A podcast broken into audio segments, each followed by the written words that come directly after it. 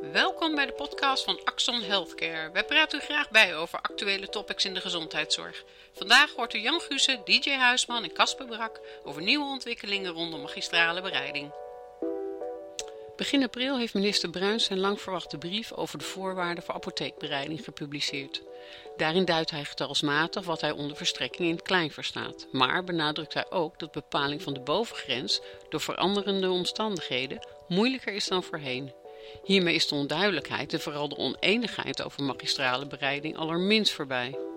Directe aanleiding is dat de minister ging verduidelijken wanneer is er sprake van verstrekking in het klein. En dan onderscheidt hij al twee punten. Punt 1, kortdurend, dus dat is uh, tot een week. Daar gaat het om maximaal 150 patiënten.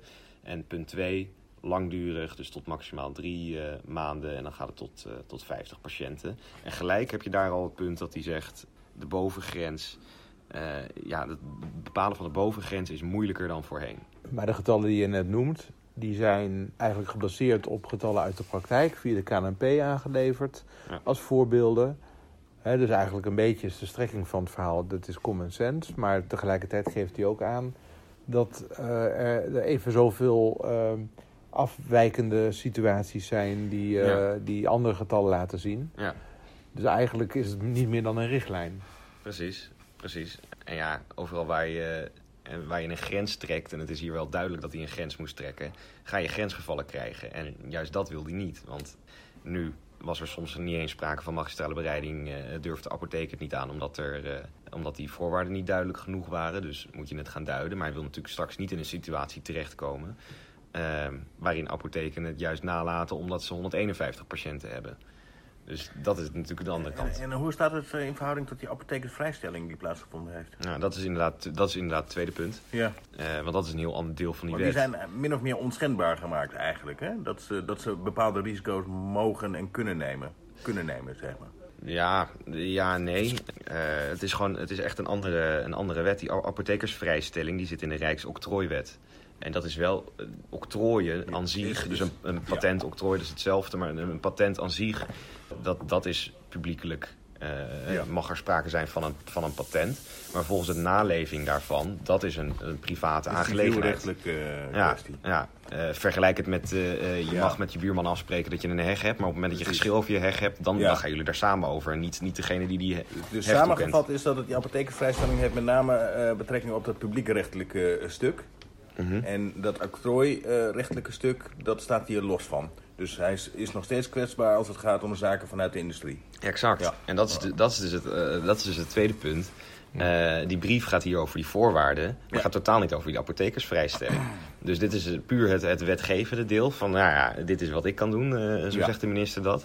Maar in één alinea vat hij nog even samen van, ja, uh, let wel, dit is wel iets anders dan de apothekersvrijstelling. Ja, ja dat is toch...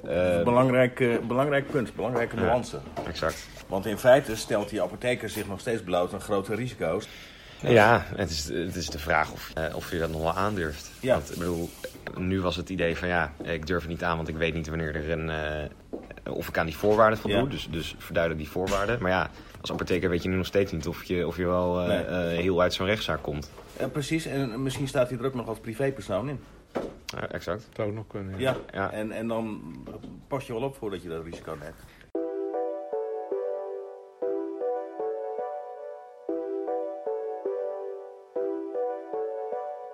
Het is eigenlijk een soort gelaagde brief. Ja. Wat, wat bedoel je daarmee?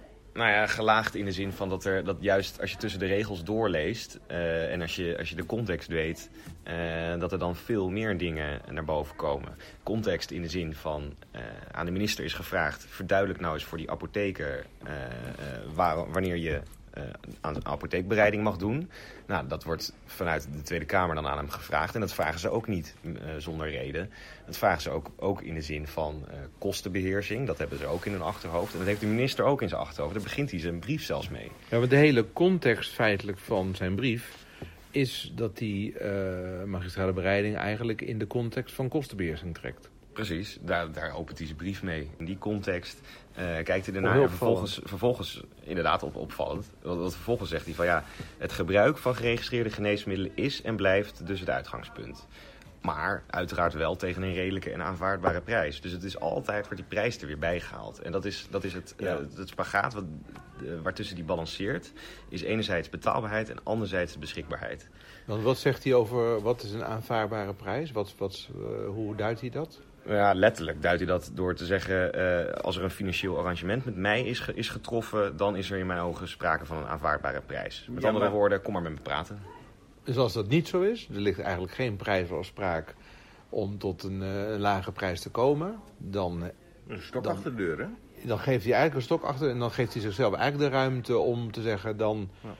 is het middel eigenlijk in mijn ogen niet afdoende of voldoende beschikbaar. Ja. Hij geeft zich daarmee een stukje onderhandelingsmacht. En ook om dan eigenlijk magistrale bereiding als een, een, een, een, een Ja. soort eh, alternatief te kunnen positioneren. Ja, kijk, hij kan het omdraaien. Hij kan nu in het openbaar zeggen van ja, nee, sorry, maar toen eh, in die onderhandeling, dat was zo duur. Ik moet wel, ook wel denken om eh, eh, dat ik mijn zorgeuro maar één keer goed kan, kan besteden. En dit was niet doelmatig. Ja, ik mag het helaas niet openbaar maken, want dat, mogen, dat mag niet. Eh, dat zijn eh, Nee. private prijsonderhandelingen. maar eh, hier ging ik echt niet mee akkoord. En ja, dat nu een apotheek het oppakt, oh, heel goed dat hij dat Ja. doet. Zo kan hij dat naar buiten toe zeggen. Terwijl binnenskamers kan hij, eh, kan hij dat dus als argument gebruiken. Van ja, Ja. oh zeef, als jij niet zakt in de prijs, dan eh, wordt het misschien wel nagemaakt. En dan ben je je middel sowieso kwijt. Dit was eigenlijk het tweede element hè, wat je noemde uit die brief. Had je nog een derde element? Eh, derde element was het verschil in wetgeving. Puur technisch onderwerp, dus dat is de apothekersvrijstelling. Ja, ja. En dat, is, eh, dat valt onder de Rijksoctrooiwet. Nou ja, goed, dat die, dat die apothekersvrijstelling dat dat nog los staat van waar, waar zo'n minister over gaat. Eh, en dat dat eigenlijk een aangelegenheid is tussen de octrooihouder, dus degene met patent, leest de fabrikant, de farmaceut, en degene die het namaakt. Dus dat is de apotheker, ziekenhuisapotheker, apotheker. Dus je kan die voorwaarden wel duiden. Maar op het moment dat je dan nog niet weet of je wel eh, geheel ongeschonden uit zo'n rechtszaak komt, ja, dan eh, ga je alsnog wel een paar keer nadenken van ga ik dit wel doen. Maar alles beschouwend heeft hij feitelijk aan het verzoek van de Kamer voldaan. Om voor de apothekers feitelijk iets meer duidelijkheid te verschaffen rondom wat is nou die kleinschaligheid. Hè, om eigenlijk getalsmatig daar invulling aan te geven. En en passant worden eigenlijk het onderwerp in een, in een bredere context eigenlijk al meteen geplaatst. En worden er vooral ook heel veel dingen juist opengelaten of niet gezegd.